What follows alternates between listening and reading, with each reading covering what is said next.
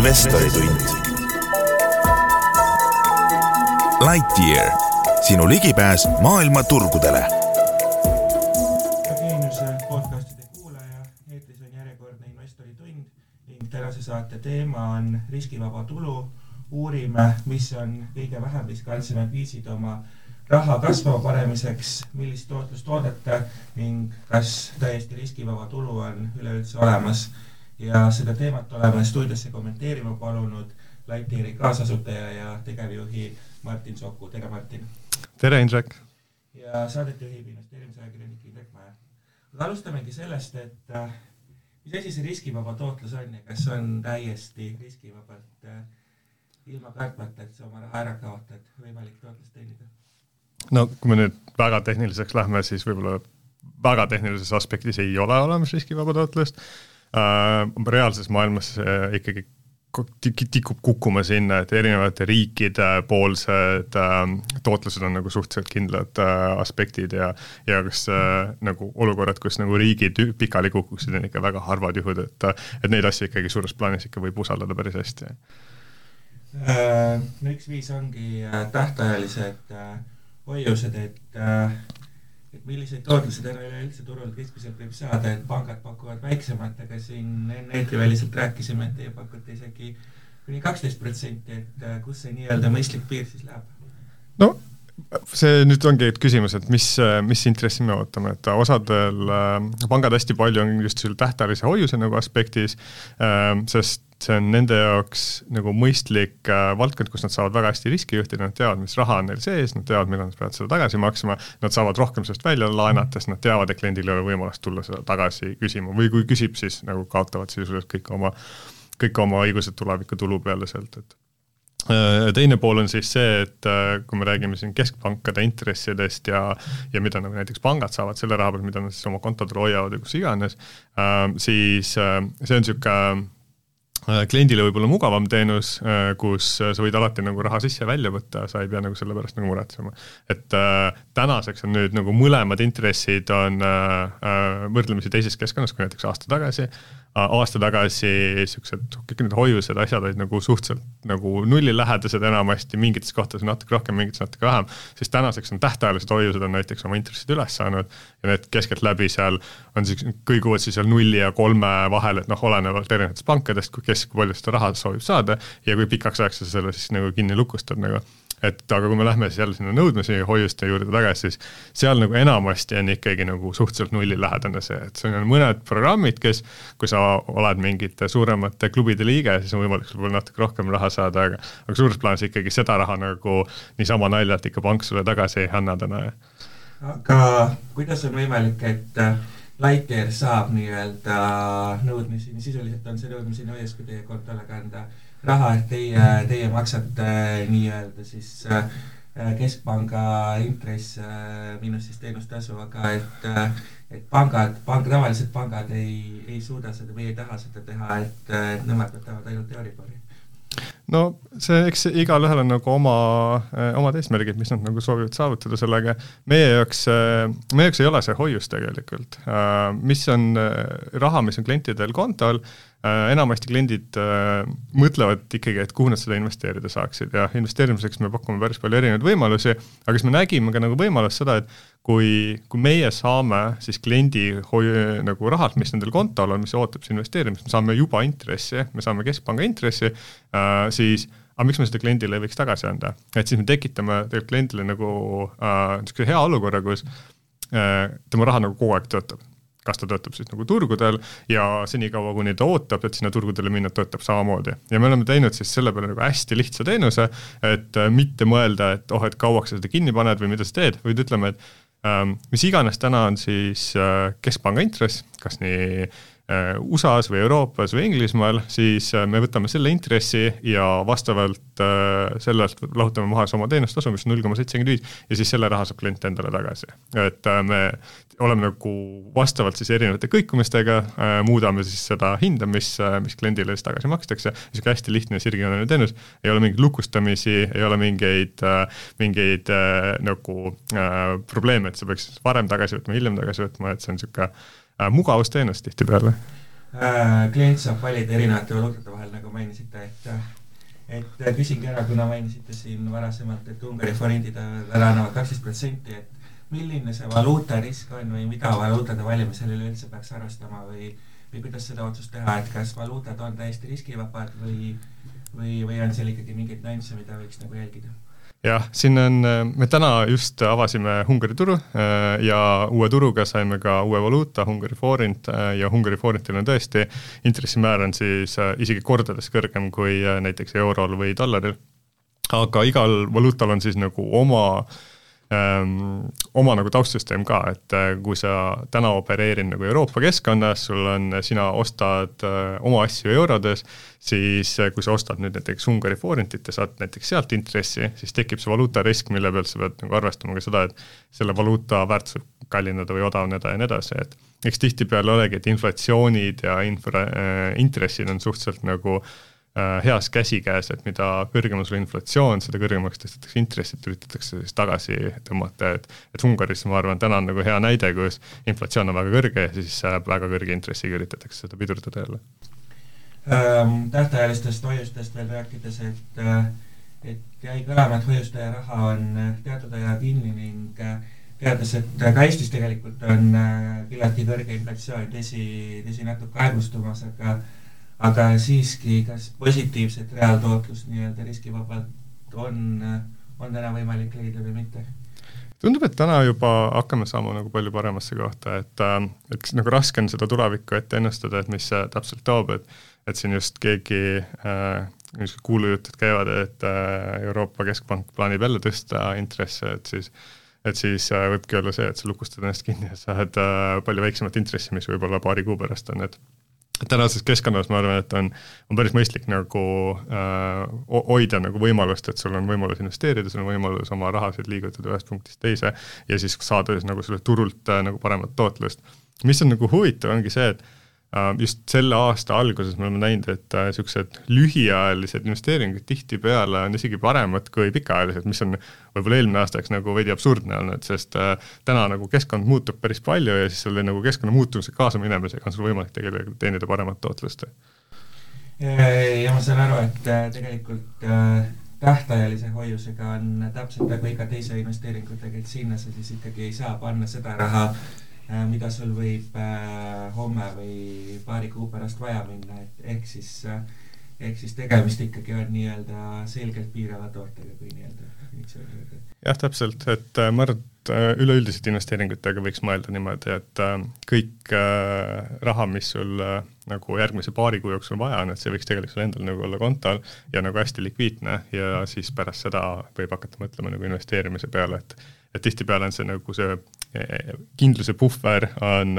on väga suure tootlusega su isiklikus elus, et äh, meelerahu ja muus fondis. Äh, pangad ütlevad äh, kindlasti kohe, kohe siinkohal vastu, et aga, aga nende juures on kenasti sada tuhat alati garanteeritud selle nii-öelda tagatisfondi raames, et et kui kindel see tagatisfond üleüldse on ja kuidas näiteks, kas teie juures ka on mingisugune selline garantii või kas see üleüldse on vajalik? No pangad ja investeerimisühingud toimuvad natukene erinevalt. et noh, lõpuks äh, kõik raha seisab kuskil pangas äh,, aga investeerimisühingutel on äh,, ei ole nagu luba laenata raha välja. et see tähendab seda, et kõik raha, mis on kliendi oma, see seisab kuskil kontol ja see seisab veel eraldi kontol ettevõtte rahadest. see tähendab seda, et kui pangad hästi kardavad niisugust pangajooksu, et siis äh, äkki jääb neil raha puudu sellest, et nagu mida tagasi anda, siis investeerimisühingutel on see raha olemas, sul on võimalik seda nagu tagasi anda. et äh, see on nagu noh, see on äriline nagu süsteemne vahe lihtsalt, kuidas nagu pangad ja investeerimisühingud nagu äh, toimetavad. et ma arvan, et siin kõige suurem ähm, nagu kaitseallikas on sellest, et äh, nii pangad kui investeerimisühingud on selgelt reguleeritud äh, hea regulaatori poolt äh,, kes paneb mingid selged tingimused, kuidas selle rahaga käituma peaks ja see varade segregatsioon on nagu number üks reegel, et kui sa, kui sa neid nagu kokku ei pane, siis see esimene kaitselevel on seal. millised riskid veel äh, tähtajaliste äh, hoiustega seotud on, et kõlama jäi äh, jäi siit äh, likviidsusrisk ja see, et äh, nii-öelda intresside muutudes ei saa enam nendest kasu, et, et aga kas, kas veel midagi, millega peaks kindlasti arvestama? jah, noh, selline valuutarisk tuleb veel sisse, et kui sa nagu, oleneb, mis valuutas sa ise opereerid ja ja noh, kindlasti on ka seal mingil väiksemal määral on ka äh, riskid siis nagu äh, asutuses, kus sa siis hoiad seda raha, siis selle nagu elujõulise ja kõige muu peale seal. aga noh, täna ma arvan, et Eestis äh, äh, ikkagi pangandus ja kogu finantssektor on ikka suhteliselt tugevatel jalajälgedel, jala nagu jalgadel, et see ei, täna ei tohiks nagu probleem meil olla. Millised äh, võiks olla veel äh, head alternatiivid äh, nii-öelda selle riskivaba tootluse kättesaamiseks, et üks on jah, tulla, tulla light year'iga, kas üleüldse turgudelt, ma ei tea, riigi võlakirjadesse otse kuidagi, kas, kas on veel võimalusi selle jaoks, et see kätte saada? riigi võlakirjad on, ma arvan, et üks väga hea valik, et äh, riigi võlakirjad on äh, nagu ikka tagatud väga, väga tugevate organisatsioonide poolt, et ja tootlused on seal täna väga head, et sul on võimalik saada tegelikult väga likviidsesse kohtadesse oma raha hea tootlusega, mis on suhteliselt selgelt tagatud äh, nagu riikide või keskpankade poolt, et kui suur see risk äh, seal juhul võib olla, et investeerid tänaselt intressimääralt, ma ei tea, USA riigi võlakirja ära, Föderaalreserv tõstab veel intresse ja siis see tänane võlakiri muutub justkui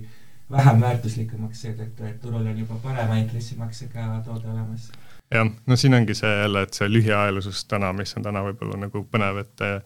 me pakume näiteks niisuguseid ultra short ETF-e, mis, äh, mis on nagu hästi lühikese ajapiiriga ja see suudab päris hästi reageerida siis kõigele sellele, mis tegelikult turul toimub, et et me näeme praegu, et äh, päris selgelt on niisugused kolm suunda, kuidas inimesed siis nagu üleüldiselt investeerivad, et ühelt poolt ähm, otsitakse äh, rahale niisugust intressitootlust, teiselt poolt väga suur osa rahast juba läheb äh, võla äh,, äh riigi võlakirjade ETF-idesse, et äh, see on nagu päris hea kindlusega, eriti suured kontod liigutavad raha sinna. et lõpuks ka tegelikult lähevad isegi niisugust laiapõhjalistesse niisuguste maailma ETF-idesse, et nagu niisugust äh,, sa tunned, et inimesed ikkagi otsivad äh,, otsivad kohta, kus nagu kindlalt investeerida pikaajaliselt äh, ja nagu erinevate äh, erinevatel instrumentidel erinevad tootlused, erinevad riskid ka siis täna, et äh, aga inimesed on kindlasti rohkem konservatiivsemad täna selles.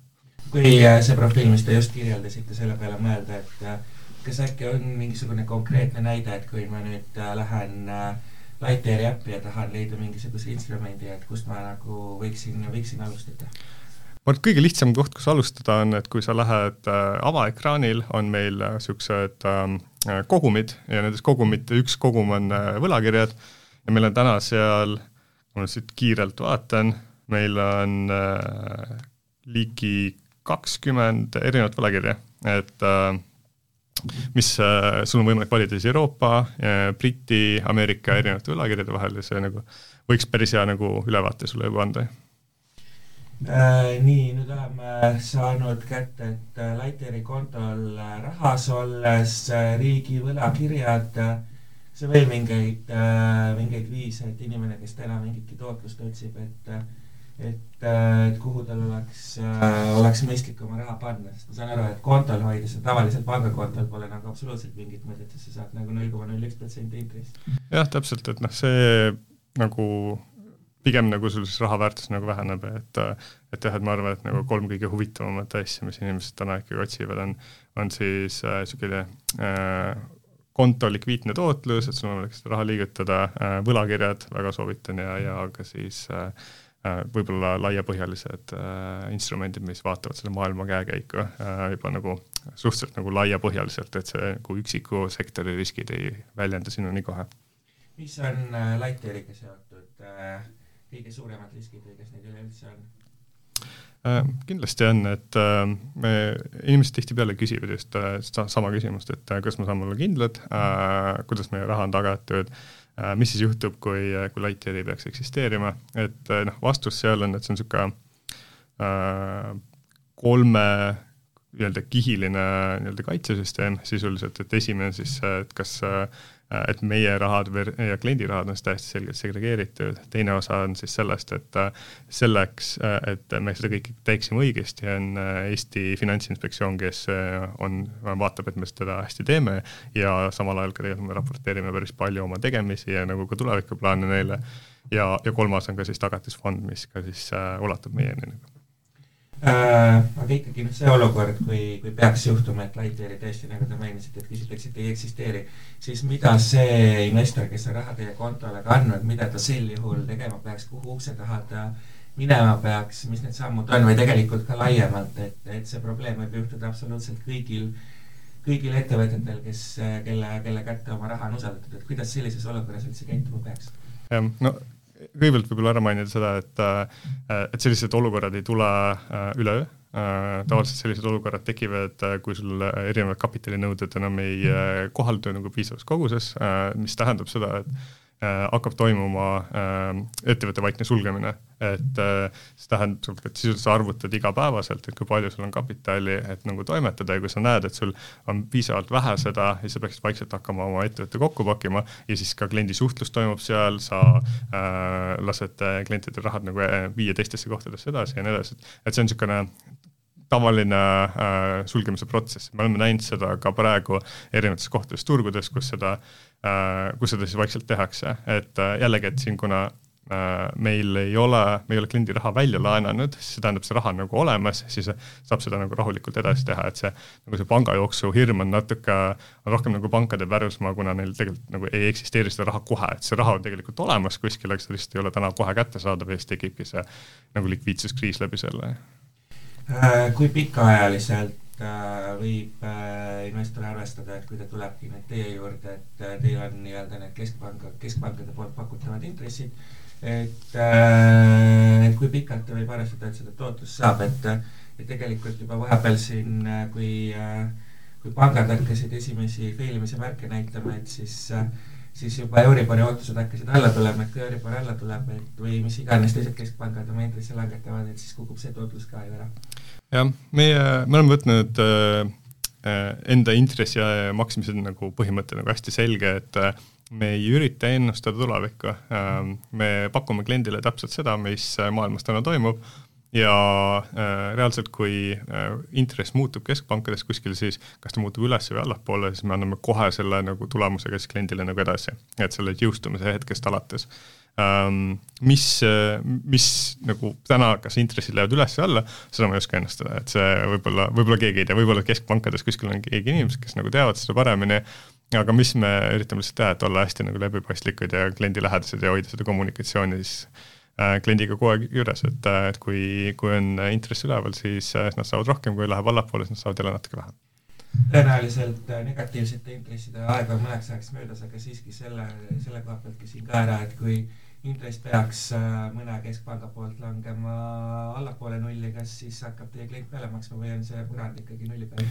me oleme võtnud äh, põrand ikkagi nulli peale, et äh, kui me jõuame selle nulli juurde, siis me lihtsalt lõpetame selle teenuse ära, et me tegelikult alustasime oma ettevõtmisega keskkonnas, kus olid negatiivsed intressimäärad ja siis äh, me ei küsinud klientidele lisatasu selle eest, et see on äh, see on küll paras peavalu äh, opereerida, et kui sul on väga palju kliendi raha enda käes ja sa pead sellest nagu palju juurde maksma selleks, et seda kuskil kontol hoida, et aga, aga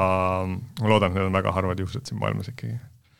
Äh, kuna teil on äh, majas nii-öelda äh, väga finantsturgudel väga kogenud inimesed koos, siis ma ise küsima, et teate niisugust äh, suure pildi koha pealt ka, et siin äh,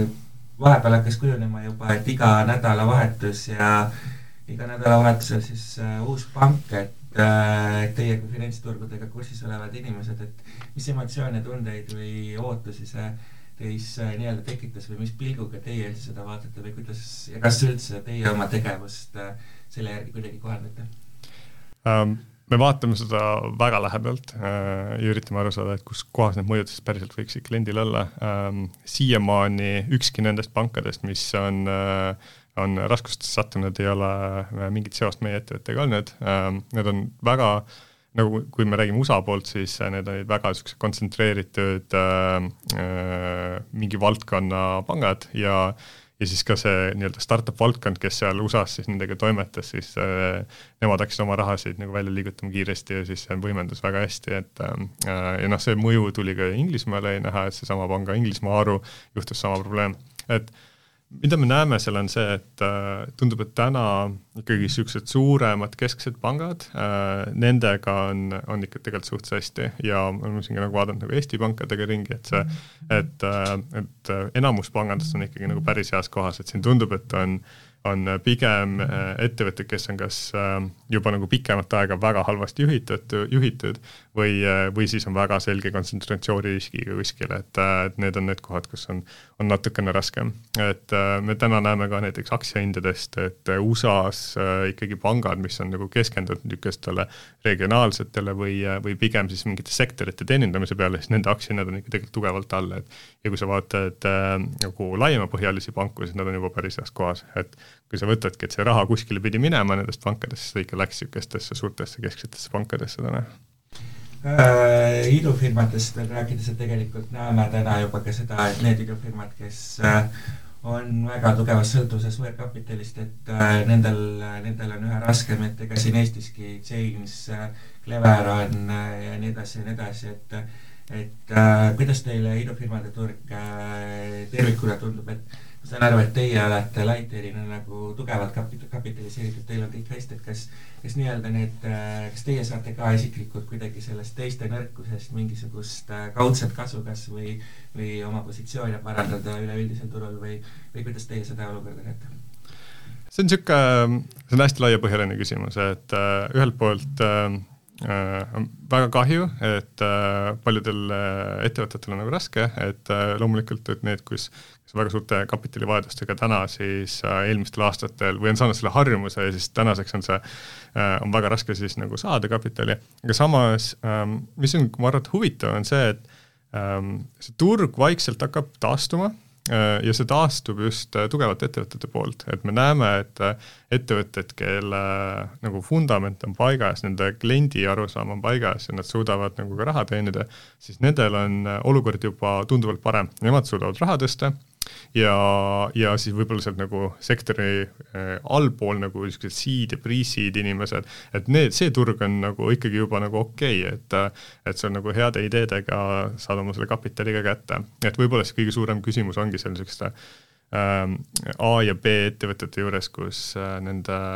võib-olla äri ei ole veel nii hästi välja mõeldud ja, ja klient ei ole nagu väga selge, et siis äh, sealt on raske raha saada. aga noh, ma arvan, et äh, kui sul on ikkagi nagu väga tugev äri, siis äh, lõpuks sa saad selle raha kätte ka, et siin nagu natukene võetakse välja ka ettevõtteid, kes ei ole oma maja korda saanud võib-olla äh,. selles kriisi nii-öelda, kui seda üldse kriisiks äh, saab nimetada äh,, pankades siis veel, et äh, kõik ütlevad justkui ühest suust, et eurotsooni ta ei jõua, aga siin äh,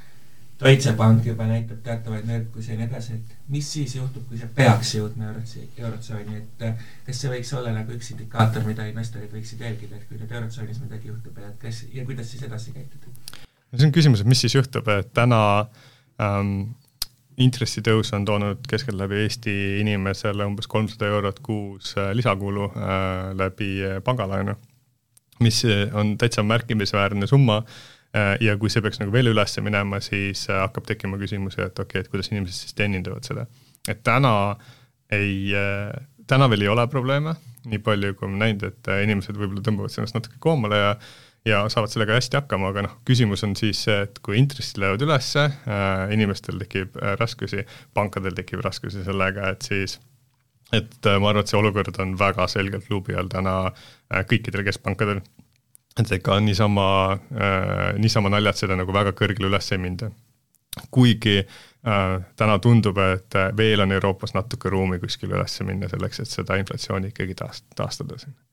äh, noh, selgelt jah, Euro-, Euroopa Keskpank ja tegelikult ka teised keskpangad on, on kahvlis, et valida on kas inflatsioon või siis äh, muud anomaaliad, mis ka nende pank, millega need pangad kätte näitavad nii-öelda aga, aga öeldakse, et õige kriis tekib siis, kui usaldus kaob äh, keskpankade vastu, et et äh, kuidas teie oma investorite baasil tunnetate, et kui lähedal see piir on, kus see nii-öelda see usalduse piir keskpankade vastu, et kas see on kuidagi kõikuma üleüldse löönud või on kõik äh, selle koha pealt hetkel, hetkel hästi või mis seis seal on? pigem tundub, et on veel hästi, et äh, väga äh, noh, minnakse veel selgelt keskpankade intresside toodete vastu ja nii edasi, et see kõik, ehm, tundub, et keskpangal on kõik saavad aru, et see on raske olukord, aga keskpangad on nagu enam-vähem kontrollivad seda asja, et see inflatsioon on niisugune keeruline asi, et äh, ei ole ühtegi head võtit, mis nagu muudaks selle käekäiku kohe, et äh, see kõik võtab aega. et täna me oleme päris paljude erinevate kriisidega pihta saanud, et äh, me siin kõik see finantsturgude ja, ja ka tegelikult Ukraina sõda ja kõik muu, et äh, ma arvan, et täna veel inimesed saavad päris hästi aru, et see, et äh, ongi natuke keeruline olukord, et aga siiamaani suhteliselt hästi manageeritud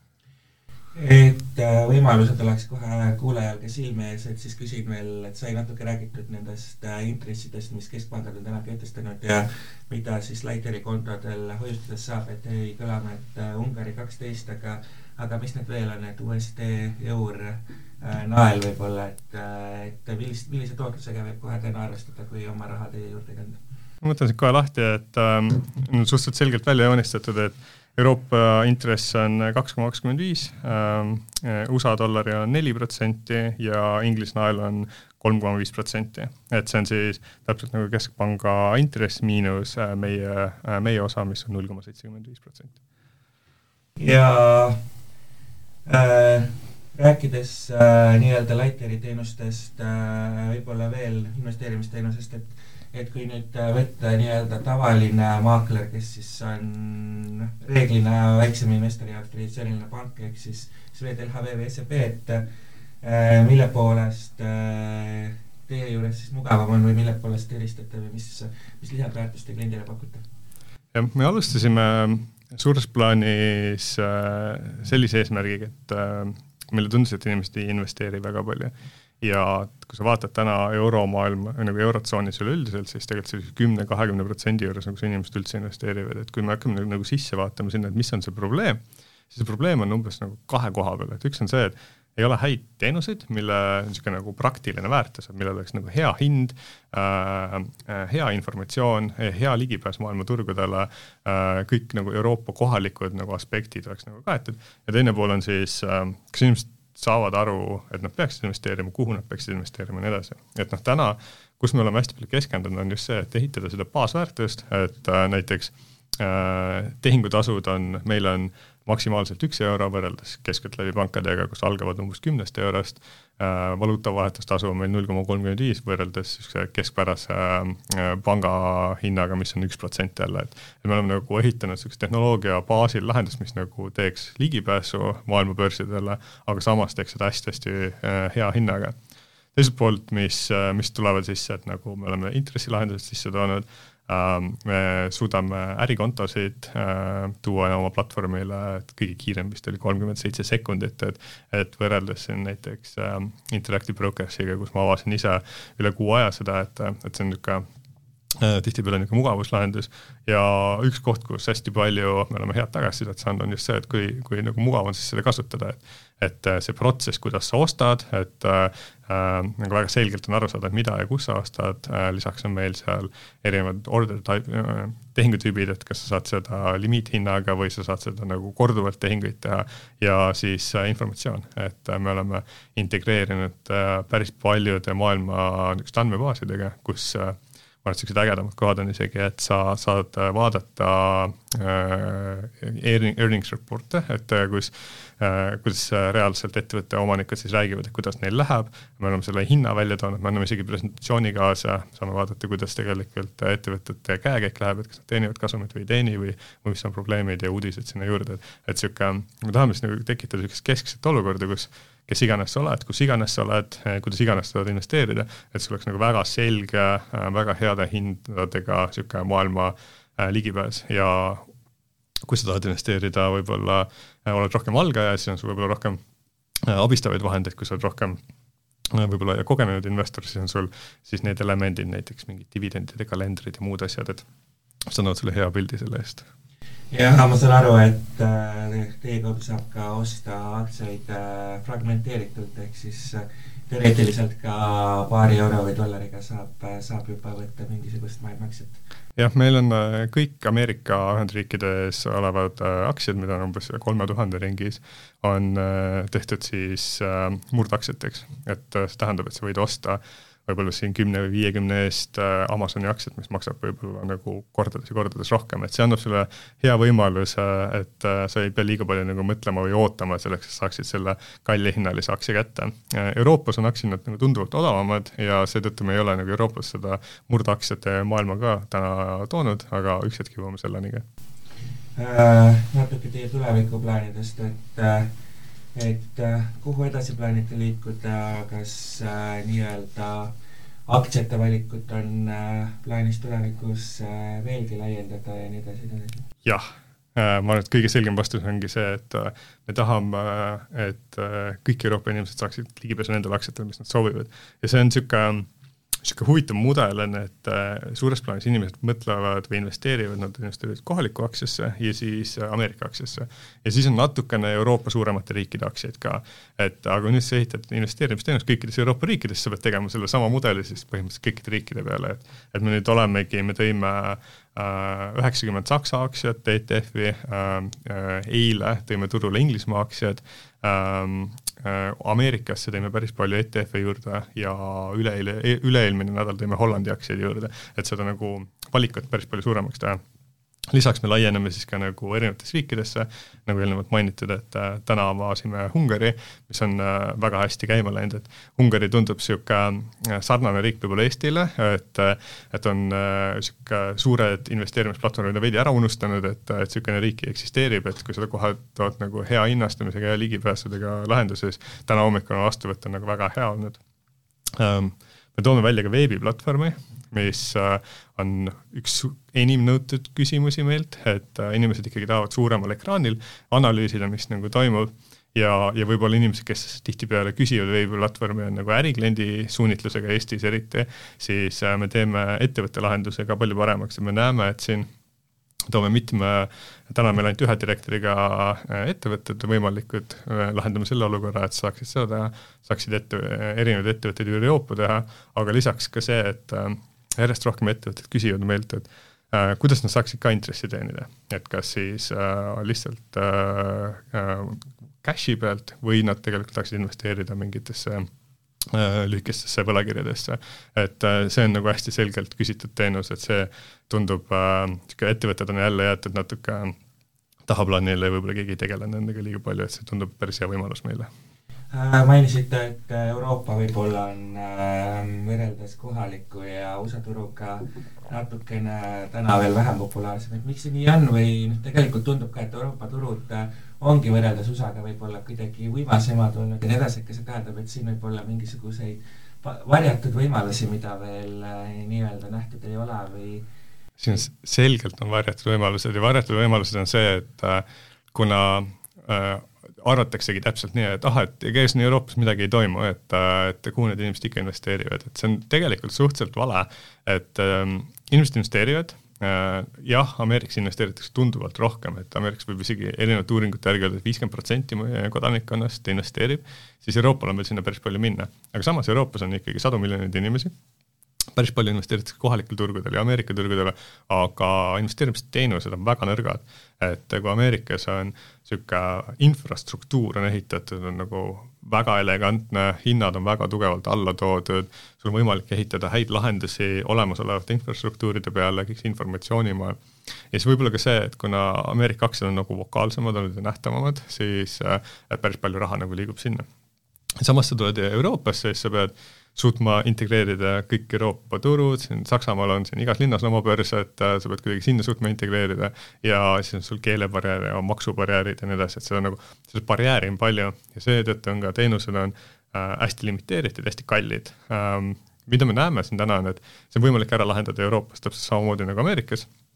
aga keegi ei ole teinud seda lihtsalt veel, et üks hetk tuleb see ära lahendada. ja ma usun, et kui sa selle lahendad selle infrastruktuuri poole ära, et sa teed selle ligipääsu ja hinna ja selle maailma teed nagu väga heaks, siis on sul võimalik ehitada sinna peale ka erinevatel inimestel erinevaid tooteid. et see on täpselt see, mida me tegelikult täna teeme, et et kui me selle ära lahendame, siis ma usun, et tegelikult eurooplased hakkavad päris palju rohkem investeerima ka.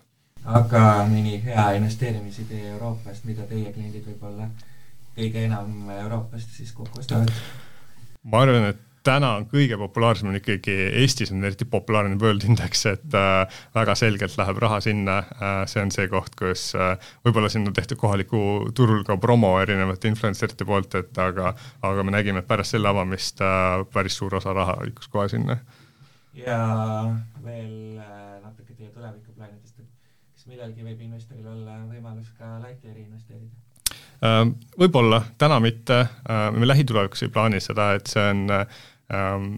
ma arvan, et nagu pikaajaliselt on see väga mõistlik eesmärk, et äh, kui sul on investeerimisplatvorm, siis investeerimisplatvorm võiks siis olla nagu äh,, omanikud võiksid olla siis nagu investorid, aga täna meil on hästi selgelt, on vaja väga kiiresti ehitada toodet selleks, et jõuda sinna kõikidele Euroopa ja Eesti, Eesti inimesteni, et äh, kui me selle suudame äh, piisavalt kaugele viia, siis ma arvan, et see on päris mõistlik lahendus tegelikult, kuidas ettevõtte kättesaadavaks teha. selge pilt, suur aitäh äh tänasel äh, intervjuu eest äh, Lightyeari kaasasutaja ja tegevjuht Martin Sokk. ja investori tund on eetris taas nädala pärast, kuulmiseni!